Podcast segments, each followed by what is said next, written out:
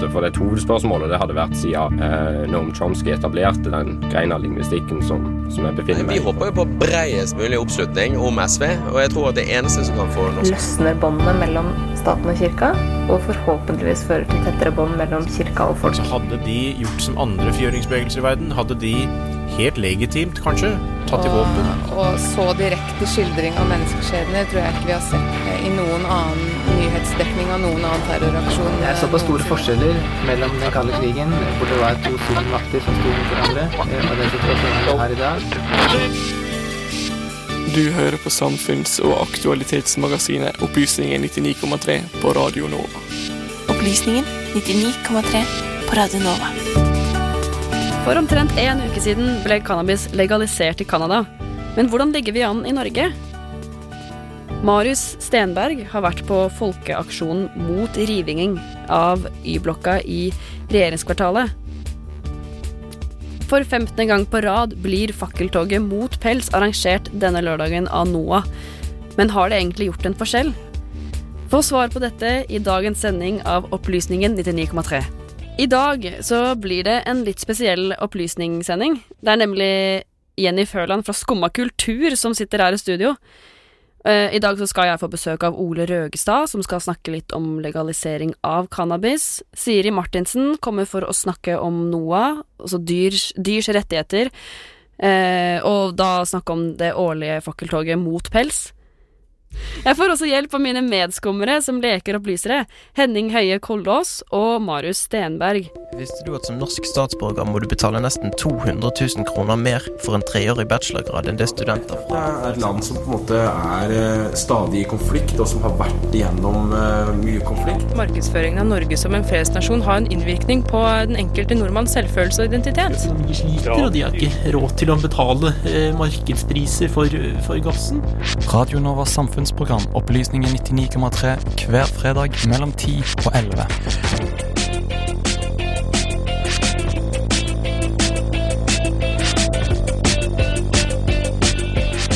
Henning har vært eh, på Blindern for å snakke om cannabis blant eh, studenter. Nå skal vi høre litt på det.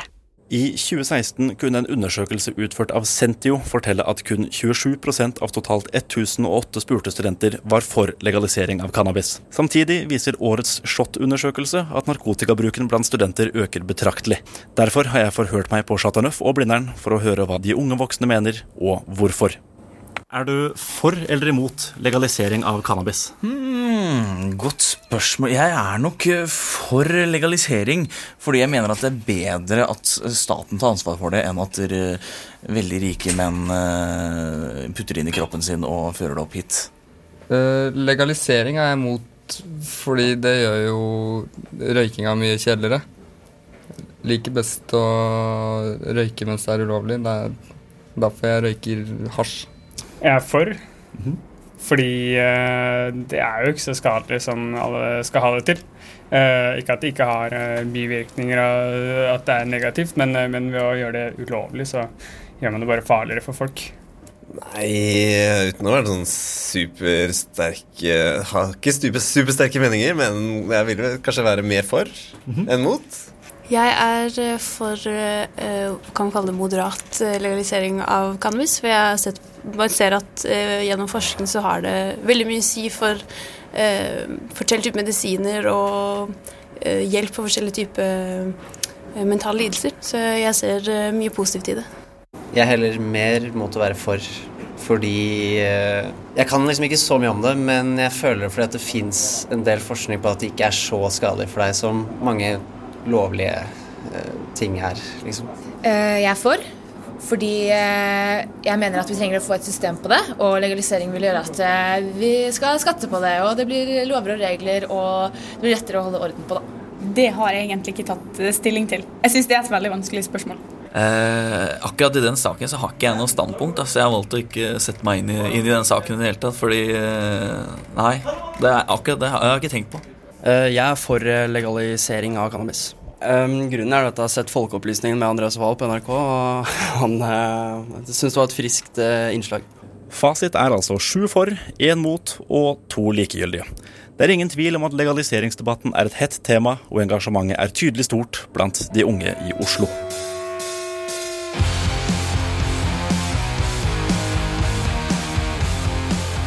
Der fikk du høre 'Step Away' av Møblos. Nå har jeg fått med meg medskummer som leker opplyser eh, Henning Høie Kolås. Hallo. Hallo. Eh, Og vi to skal følge tråden videre om legalisering av cannabis. Eh, Og i den anledning så har vi fått besøk av Ole Røgeberg, som er seniorforsker ved Frischsenteret. God morgen. God morgen. God morgen.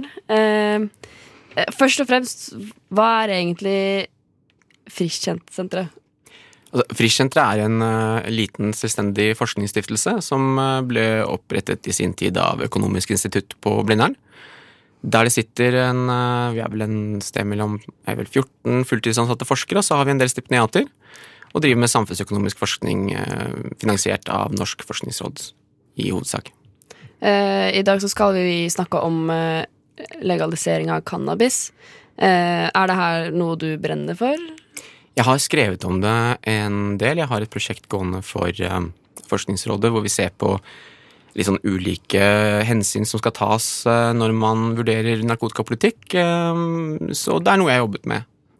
Eh, syns du at eh, legaliseringen i Canada er gode nyheter? Ja, det tror jeg. Eh, men hva vil du Vil du si noe da om cannabislegalisering i Norge i forhold til det? Altså, det er jo Cannabis er et rusmiddel, eh, og alle rusmidler, eh, alkohol inkludert, eh, har en del liksom, problematiske sider ved seg. Det er noen mennesker som kan bruke dem veldig mye, hvor det kan skli ut en del. Det kan ødelegge mm, måten de fungerer i hverdagen i forhold til familie, i forhold til arbeid, i forhold til liksom, andre ting de har lyst til å få gjort med livet sitt. Eller, ja. Og det kan også ha en del negative medisinske konsekvenser, så derfor håper vi jo på en måte å skulle ha en det rusforskerne internasjonalt typisk sier, er at eh, hvis man skal legalisere cannabis, så bør man gjøre det på en ganske restriktiv måte. Og når man ser på hva som ligger i det, så er min lesning at det er noe litt à la den typen politikk vi i Norge har utviklet for alkohol. Vi har en ganske streng alkoholpolitikk, og vi har en ganske strengt reguleringsregime i forhold til det mange andre land har. Det at vi har et vinmonopol eh, som da selger, men er ikke-kommersielle. De prøver ikke. Det er ikke sånn at du kommer inn på Vinmonopolet og så sier de her, eh, du skal kjøpe en flaske rødvin. Da vet du at i dag så har vi et tilbud at hvis du kjøper to flasker Tequila, så får du med en flaske sprit. Altså, det, er på en måte ikke den typen kommersiell virksomhet uh, som Vinmonopolet har, uh, samtidig som det ikke er noen sånn stigmatisering eller forsøk på å liksom skremme med Men det er ikke noe sånn at de prøver å gjøre det veldig ubehagelig for de som skal kjøpe alkohol heller. uh, men det er bare det er det det er. Og det har fungert ganske godt. Og de har høye skatter. Så noe lignende ville jeg ment kunne være en, en god uh, modell å prøve ut for cannabis. Og jeg mener også at det kan, kanskje kunne være en gunstig ting om Norge gjorde det Jeg tror ikke vi kommer til å gjøre det, men det hadde vært gunstig om vi gjorde det ganske tidlig. Slik at andre land som så på hva som har skjedd, kunne velge en bedre modell enn de modellene som kanskje har vært fremtredende frem til nå. Nå er det sånn at Canada sin modell er langt mer restriktiv enn det vi har sett i USA tidligere. Så sånn sett så, så er Canada et godt eksempel i sånn måte, men Norge kunne kanskje vært et enda bedre eksempel. Mm. Men tror du, at, øh, tror du det at et såpass viktig, viktig internasjonalt og for så vidt også vestlig land som Canada i forhold til Uruguay, da, øh, tror, du det vil, altså, tror du det vil gjøre det lettere å få til et ordentlig lovforslag om legalisering i Norge? At det er Canada som har valgt å legalisere nå? Det vil nok gjøre det lettere, men det vil ikke gjøre det lett. Nei. for det er en del ganske store forskjeller her mellom eh, Norge og disse andre landene. Det er helt riktig at Uruguay er, det er et veldig lite land, og det er ikke et vestlig land. og de har en, Det virker som en veldig sånn fjern modell, er litt sånn vanskelig å forholde seg til. Når Canada gjør det, så, så, blir det på en måte mer alvor. Da er det et vestlig land på lik Canada er jo, Vi sier jo ofte at vi ikke ønsker å sammenligne oss med det og det landet, men Canada er jo et land vi ønsker å sammenligne oss med ofte. Eh, som oss så har de eh, sånn dårlig samvittighet for oljeproduksjon som er skitten og greier. Så det, det, de har en del, og vi har offentlig helsesystem og det, De er et bra land, på en måte. Så når de gjør dette her med en sånn folkehelsemotivasjon eh, som, som det de på en måte sier er grunnen til det, mm. så tror jeg det har kan ha en del å si. Ja. Men Forskjellen er jo at cannabis er veldig mye mer utbredt i utgangspunktet i både de statene som har legalisert i Amerika, og i Canada. Og det gjør nok at en del vil være bekymret for at bruksøkningen etter en legalisering kan være betydelig høyere i Norge enn det den ville være i, i Canada, hvor veldig mange allerede bruker. Ja, jeg, så, jeg fikk noen tall fra forskning.no. Der står det altså, Bare siden 2015 har andelen tenåringsgutter i Oslo som har prøvd cannabisprodukter som hasj og marihuana, økt fra 10 til 17% I tredje klasse på videregående har 38% av guttene og 23% av jentene prøvd cannabis. Det var altså Samme tall for 2015 var det altså 30 og 20% Tror du, altså, tror du bruken vil tilta ytterligere hvis vi legaliserer? Det de som legaliserer i Canada har, har, sagt, er jo at de gjør dette her til dels for å begrense ungdomsbruken. Og det vi snakker om her, er jo videregående elever. Mm. Så de vil jo ikke ha tilgang eh, selv under et legalt regime. Så er det jo litt uenighet om, om det, det, å gjøre det lovlig ville gjøre at det ble lettere eller vanskeligere for tenåringer å få tak i det. På den ene siden så vil ikke dealere spørre om legitimasjon, sies det vanligvis, og, og det blir jo liksom solgt via venner, og folk hjelper hverandre med å skaffe tilgang. Men på den andre siden så er det jo ikke så veldig uvanlig at folk får tak i alkohol heller. Nei. Selv om det også er ulovlig. Så akkurat hvordan det der, der ville slå ut, det er vanskelig å si. Men når det gjelder de mer voksne, altså unge voksne, sånn la oss si 20-åra studenter, så vil jeg tro at uh, cannabiskonsumet ville øke. For det er ikke bare snakk om hvem som har prøvd. Mm. Uh, og det å ha prøvd det siste året kan jo være at du tok ett drag på en fest. Mens hvis det ble lovlig, så kanskje du ville begynne å kjøpe det selv og, og, ha det hjemme. Og ta det med deg på fest og bruke det oftere og bruke det i større grad. Mm. Så selv om det var Altså økningen i hvor mye som ble brukt, kunne være mye større enn, økningen i hvor mange som har prøvd minst én gang i løpet av et år. Men tror du at, uh, å, at det kan være farlig å legalisere det òg? Tror du det er noen negative effekter ved å legalisere det? Det som er vanskelig å vite når man eh, legaliserer, er jo hvordan dette produktet kommer til å bli oppfattet og utviklet videre. Så hvis du tenker på tobakk som kom til Europa på 1600-tallet eller et eller annet, når de kom med båtene fra Sør-Amerika, og så i begynnelsen så brukte de det i piper, og de hadde sånn snus og så. Men det var først når sigarettene kom, masseproduserte sigaretter kom, eh, på begynnelsen av, begynnelsen av 20. århundre, at det tok totalt av og ble veldig For det gjorde det veldig lett veldig renslig, veldig enkelt å på en måte begynne å røyke, eh, røyke, tobakk.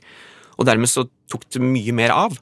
Og hvis man fikk en lignende type et eller annet produkt som på en måte altså Vi ser nå i California, hvor de har legalisert det, så er det en del um, som prøver å få cannabisprodukter til å bli en del av en litt sånn eh, halvveis alternativ velvære, kroppstrend, sånn når du har lyst til å ta edgen av før du går og holder et foredrag som næringslivsansatt, så kan det være lurt å ha litt CBD og, i blodet. Altså, en, de prøver å lage det til en sånn velværegreie hvor du får sånne body lotions, og du får til og med sånne produkter som skal redusere menstruasjonskramper ved at du smører deg inn med dette her. Det er veldig mye sånn forsøk på å finne nye produkter og nye måter å pushe cannabis ut uh, i ulike produkter. Vi har, mange som er bekymret for disse uh, godteriene, f.eks., eller browniesene som har uh, aktive stoffer i seg, som, kan, som er lettere å overdose på. Eller ikke overdose i en sånn forstand at det er farlig fysisk, men en, sånn at du kan få en ubehagelig sterk opplevelse.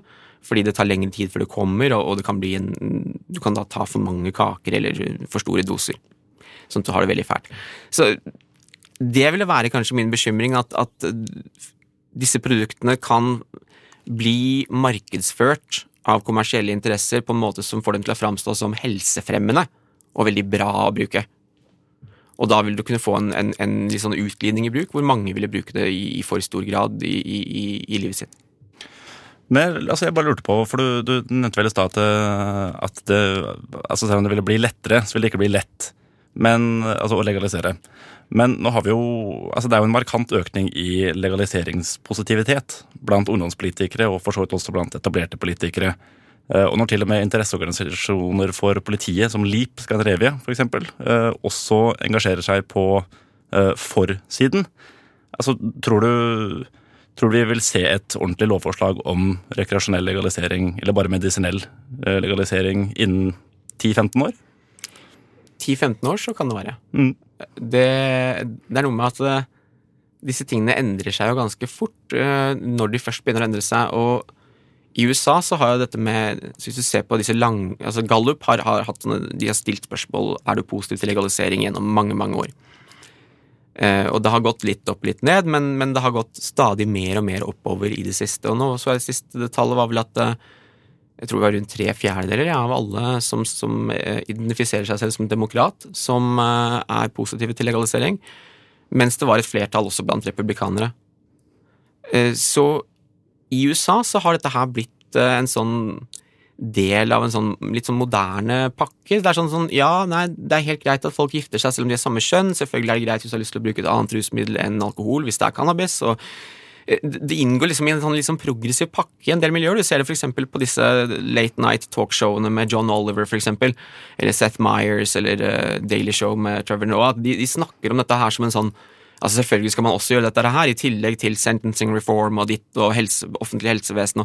Det blir bare sett på som en sånn del av en litt mer sånn opplyst, moderne eh, pakke. Mm. Uh, og hvis det på en måte er noe som, som, gjør at vi får en legalisering på nasjonalt plan, først i, i nå i California, nei, først nå i, i Canada, og så deretter i USA, og hvis da Storbritannia og, og uh, kanskje Nederland følger etter, og det kommer noe lignende i kanskje Spania, som har en ganske høy cannabisbruk, plutselig så vil det kunne litt sånn, føles litt sånn rart og gammelmodig å, sitte igjen med, med dette litt sånn synet som ble formet i en veldig annen tid, når folk var veldig redde for disse stoffene og ikke visste hva de var. Ja. Bare sånn helt, eh, helt til slutt. Uh, apropos dette med, dette med, salg over disk. Uh, altså, tror du, det, tror du det en gang altså, tror du det en dag også vil være aktuelt å selge andre rusmidler over disk? Altså f.eks. LSD?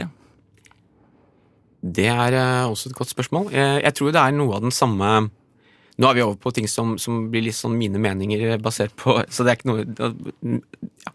Men, men jeg, jeg, tenker at det er en del av disse rusmidlene som nok hvor det ble veldig mye frykt og redsel, fordi det kom veldig raskt inn i, i ungdomsgrupper. De ungdommene begynte å kle seg helt annerledes og få langt hår og si at vet du hva, jeg har lyst til å droppe ut av rotterace og jeg skal dra til India og utforske meg selv og finne en guru. Og for foreldre så tenker jeg det er en Det må være, ha opplevd som, som, som, veldig skremmende. At du, du har liksom unger, du håper at de skal bli gå på universitetet og få seg en god jobb, og at du håper på barnebarn og håper at barna dine skal bli vellykket, og så plutselig så tar de et eller annet stoff, og så blir de helt fremmede. Og virker som de bare eh, Ja, det, det tenker jeg Den frykten som var rundt, rundt dette her på den tiden, den er kanskje forståelig, men den vil forsvinne også for stoffer som LSD. Uh, og sånn i forhold til fysiske skadevirkninger, så er også LSD og, og psilocybin, som det aktive stoffet i fleinsopp, relativt svak Altså det er lite fysiske skader, hvis du, særlig hvis du sammenligner med tobakk eller, eller alkohol. Eh, det er noen andre utfordringer. Hvis du tar mye LSD eller fleinsopp og så drar på byen, så er du antakeligvis ekstremt forvirra og kan bli ganske utafor og engstelig og få panikk osv. Det er en del psykologiske sånn, knyttet til selve opplevelsen. Litt det samme som hvis du spiser veldig mange marihuana brownies uh, veldig fort. Uh, men på sikt så ville jeg tenkt at denne, dette litt sånn hysteriske aspektet som vi har hatt tidligere, vil roe seg litt, vi vil senke skuldrene litt, og så vil vi finne en eller annen modell. Men det er ikke sikkert du kommer til å kunne kjøpe det på disk. Kanskje du må på en måte booke deg inn på en, en, spa hvor det er noen som kan passe på deg mens du gjør det i idylliske omgivelser, og du hører på vakker musikk eller øh, dronemusikk, hvis det er det som er greia. At det er liksom, men at det er en eller annen setting rundt det da, som, som er liksom profesjonell, sånn at det, du reduserer den typen risiko som du ellers ville kunne fått. Ja. ja. Mm. Tusen Ja, opplysende. Ja, det var opplysende. Uh, tusen hjertelig takk for at du kom, Ole. Bare hyggelig det er jo klart for de fleste at noe, noe er galt med verdensøkonomien. Alvorlig galt. First thing I, I went into prison, a young man, and I got out of it a very old man. Du hører på Opplysningen 99,3 på Radio Nova. Nå er det tid for uh, ukens opplysning. Marius Stenberg har vært på folkeaksjon mot rivningen av Y-blokka i regjeringskvartalet.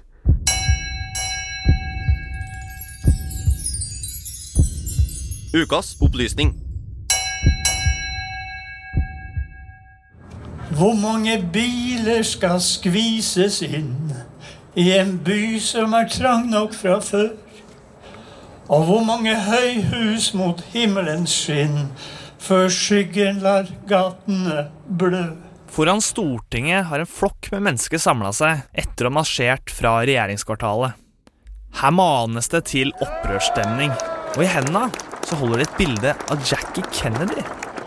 For i 1975 så klarte hun å redde Grand Central Station i New York. Helt i ellevte time. Spørsmålet er om det i det hele tatt finnes noe alternativ for Y-blokka. Den skal nemlig rives i 2019. Hvorfor har vi en tradisjon for å rive historisk arkitektur i dette landet og i denne byen? Hvorfor gjør vi samme feilen om og om og om igjen? Når skal vi snu i tide? Det sa KrF-politiker Oddbjørg Minos under folkeaksjonen for Y-blokka onsdag kveld.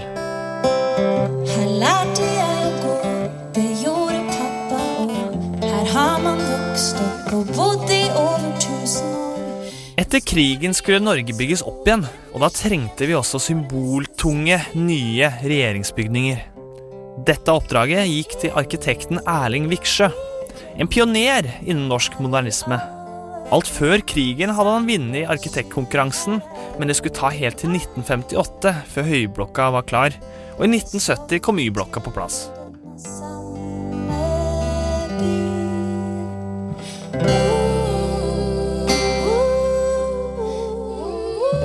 Dette bygget det omfavner både internasjonale, nasjonale og lokale verdier. Regjeringsbygningen må ses i sammenheng med FN-bygningen i New York og UNESCO-bygningen i Paris. Og den viktige gjenreisningen og oppbyggingen vi har hatt av demokratiet vårt som skjedde etter andre verdenskrig. Viksjø tok patent på en spesiell teknikk med bruk av naturbetong, og bygde med steiner fra norske elveleier. Helt identiske vinduer skulle vise likhet mellom høyt og lavt i hierarkiet. Til og med sjølveste Pablo Picasso var en fan av Viksjø. Derfor tegna han kunstverket 'Fiskerne', som Carl Nesjar sandblåste inn i endeveggen, som peker rett ut mot Akersgata i dag. Det skal ikke ødelegges. Nestleder i Oslo SV, Carl Morten Amundsen, er en av forkjempere for å bevare Y-blokka. Vi kan ikke finne oss i at det er terroristen som skal, som skal være formgiver for store deler av denne byen. Men så skjedde terrorhandlingene den 22. juli, og prosessen har vært lang for å avgjøre hvordan regjeringskvartalet skal bygges opp igjen. I 2024 skal bl.a. statsministerens kontor flytte tilbake. Kommunalminister Monica Mæland levner svært lite håp for Y-forkjempere. Til Aftenposten på onsdag var hun klokkeklar på at Y-blokka, den skal rives. Hvis ikke måtte sikringsambisjonene senkes, eller sjølve regjeringskvartalet flyttes, mener hun. Men de kjemper allikevel, med håp om at bygget ikke skal føye seg inn i en lang rekke med historie som prega og forma Oslo i lang tid, men som til slutt måtte gi tapt for nye, moderne hus. Det skjærer i hjertet til dikter Jan Erik Vold. Det er som en regel i Oslo at alt som er over 50 år gammelt, står i fare for å bli borte. Du hører på Opplysningen 99,3 på Radio Nova.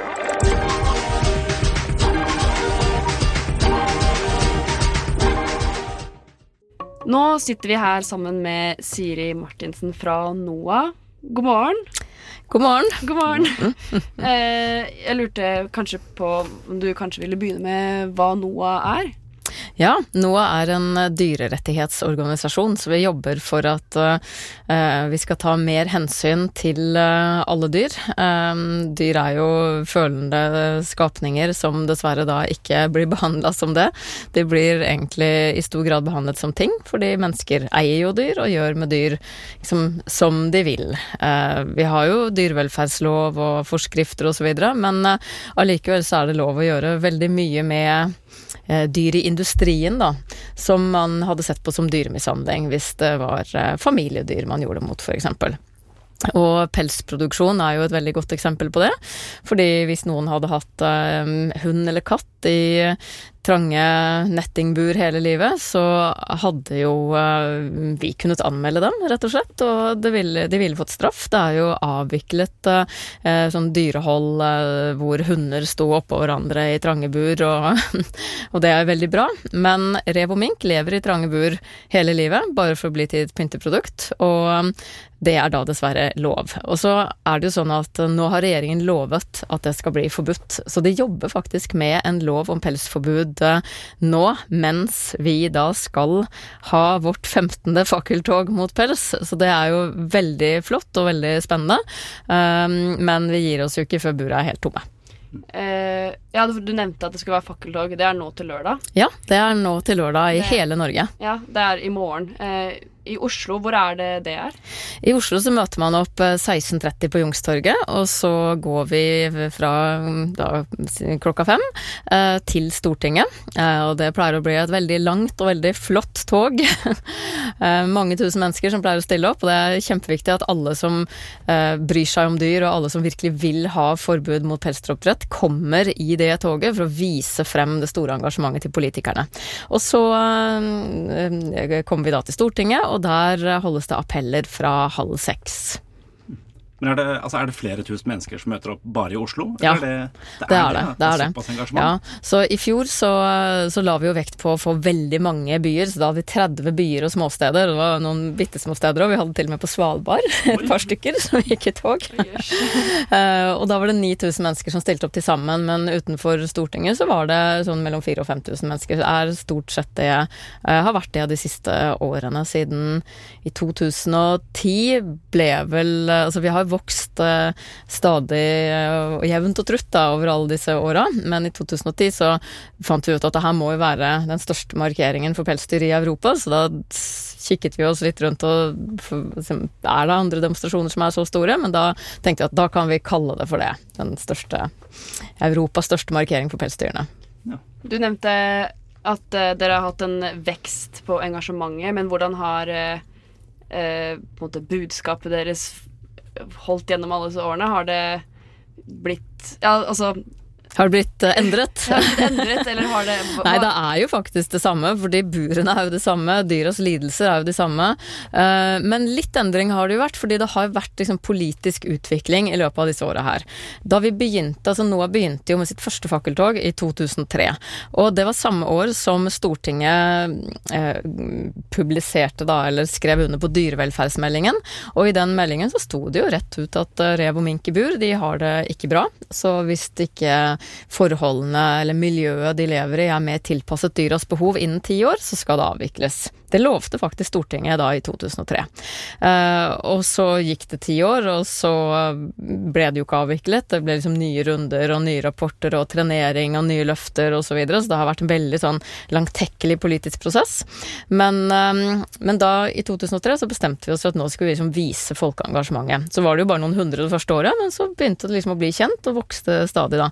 Um, og det er klart at i 2013 da, så var jo budskapet nå er ti år gått, nå må dere holde løftene deres.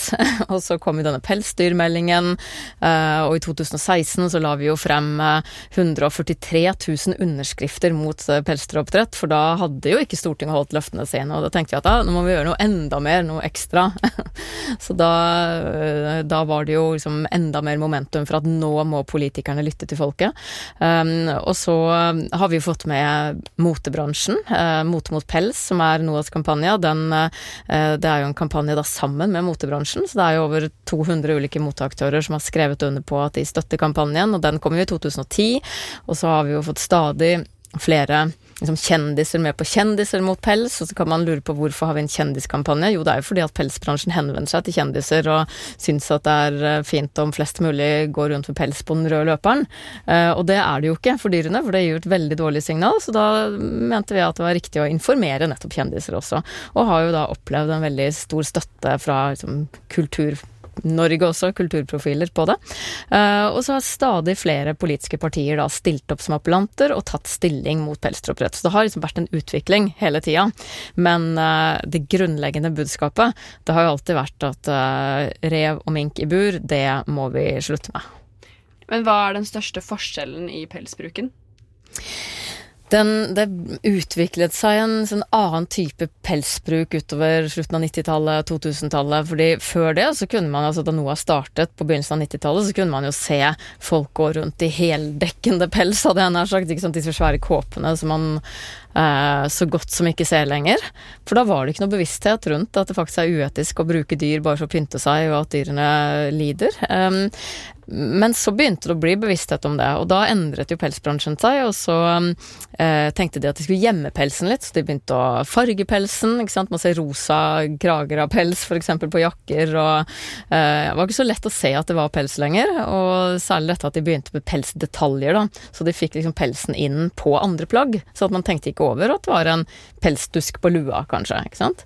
Men nå er det jo blitt større bevissthet om det òg, og det er jo stadig færre som bruker pels, enten det er detaljer eller hva det nå er, men vi ser fortsatt at, eh, at noen som er imot pels, kjøper pels fordi de tror det er fuskpels. For det er så mange nå butikkjeder og motehus som har gått over til Altså som har en pelsfri policy. Uh, og dermed så tar kanskje noen det for gitt at uh, selv om noe ser ut som pels, så er det ikke pels. For det er så mange som er pelsfrie. Men man bør sjekke fortsatt, da. Man bør sørge for at man ikke kjøper uh, dyrs lidelse. Mm. Jeg lurer på, på, disse, ja, på dette fakkeltoget. Hvem er det som gjerne engasjerer seg? Det er uh, veldig mange forskjellige mennesker. Det er jo tusenvis som stiller opp, og der kommer jo barnefamilier med barna i barnevogn, så det er jo noen som faktisk har uh, vært med i fakkeltoget siden de var født. og så uh, vet faktisk om en del i den kategorien, og som da nå, ja, nå er 15 år gamle, da, altså. og som uh, går i fakkeltoget fortsatt, nå av, uh, uten uh, å sitte i vogn. så, så, det er jo mm, ja, familier, mange unge mennesker, men også mange eldre man ser, som folk i alle aldre, og av alle kulturer, og veldig stor variasjon. Eh, Men nå er altså markeringen i år er markeringen historisk? Ja, den er jo det. For det er liksom første gang vi har et seierstog, da. Samtidig som det fortsatt er liksom kamp for dyra, og vi vil ha loven fort og ingen trenering, ikke sant. Altså vi må fortsatt kjempe for at dette nå skal skje så fort som mulig. Men vi har faktisk fått politisk gjennomslag. Flertallet av partiene på Stortinget har lovet i en eller annen form å vedta et forbud mot pelsdyroppdrett. Og det er jo en stor seier for dyra, og en stor eh, et stort gratulerer til alle som har vært med å få dette til. Alle som har stilt opp i år etter år, alle som på en eller annen måte har bidratt til å få fokus på pelsdyrenes lidelser, og som ikke har gitt seg. Men det, skulle, altså det var lovet at det, skulle, at det skulle være slutt på pelsdyroppdretten innen 2025. 2025 år, mm. ja. Så det er fortsatt da mange år hvor det er, vil være, når denne loven nå kommer, den skal komme på bordet i år, og så skal den vedtas uh, formelt i Stortinget. Um, og når den da er Uh, loven er liksom offisiell og lagt inn på Lovdata osv., så, videre, så uh, så er det da med en overgangstid til 2025. Uh, men vi kjemper jo for, og um, derfor er det så viktig at fortsatt tusenvis av mennesker er med og kjemper med oss. Vi kjemper for at denne omstillingsordningen, da, hvor de skal få, altså pelsfarmere skal få støtte til omstilling, den må være utformet sånn at det lønner seg, og det blir belønnet å slutte nå. Det må jo ikke lønne seg like mye å drive og seigpine dyrene i bur i eh, seks-sju år til, for å si det sånn. ikke sant? Altså det må lønne seg å, eh, å stoppe den utnyttingen av dyra nå. Og det er det faktisk en del eh, fra næringen selv som også har sagt at de ønsker, fordi når de uansett må stoppe, så vil de jo De fleste vil jo over i andre næringer så fort som mulig. Så det er best for alle. Sånn eh, helt på tampen, nå begynner tida å fly litt fra oss, men eh, eh et siste spørsmål. Eller kanskje ikke et spørsmål. Har du noe du har lyst til å si til folk for at de skal engasjere seg mer? For jeg regner med at dere gjerne vil skulle ønske enda større engasjement. Altså, det er et fantastisk engasjement eh, for uh, pelsdyrene og for å få forbudt pelsdyroppdrett. Men ja, selvfølgelig. Vi uh, skulle gjerne sett at, at folk engasjerer seg enda mer. Det jeg tror er viktig, da, det er altså de som kommer, de er jo kjempeengasjert, og de som, som er med oss i denne kampen hvert eneste år, de, de, gjør det de skal, altså det er kjempebra. Eh, men det er jo mange som er imot pelsdyroppdrett, som tenker at det kanskje ikke er vits å stille opp, og ja, det er jo så mange som kommer, og kanskje ikke jeg trenger å komme. Til dem så vil jeg gjerne si at vær så snill og kom, fordi det har utrolig mye å si med hvert enkelt menneske, at vi klarer å vise den massive bredden og, og liksom massive engasjementet. Og det er viktig at politikerne eh, får se det igjen nå, særlig nå når vi står i en litt sånn usikker politisk situasjon og kanskje det blir uh, regjeringsskifte osv., så, videre, så må vi vise alle de partiene som har gitt sine løfter, at vi er her. Vi glemmer ikke dyra. Så det er bare å reise seg opp av um, sofaen eller skrivebordet eller hvor man sitter, og, og, gi dyrene denne ene dagen i året. Det er da dyrene trenger deg mest, rett og slett. Så still opp i fakkeltoget på lørdagen. Uansett hvor du bor i landet. Det er jo 23 steder å velge mellom. Noen ganger så tenker vi oss om før vi sier noe. Eller noen ganger så kommer det bare rett ut. Opplysningen 99,3. Vi prøver å tenke før vi prater. Det var alt vi hadde tid for i Opplysningen 99,3. Uh, jeg må si tusen takk til mine medskummere som har lekt uh, opplysere, Henning og Marius. Sier også tusen hjertelig takk til tekniker Annika Bogen. Mitt navn er Jenny Føland, og neste uke så kan du få lov til å høre The Real Opplysningen 99,3. Da er det bare én ting å si ha en litt helg.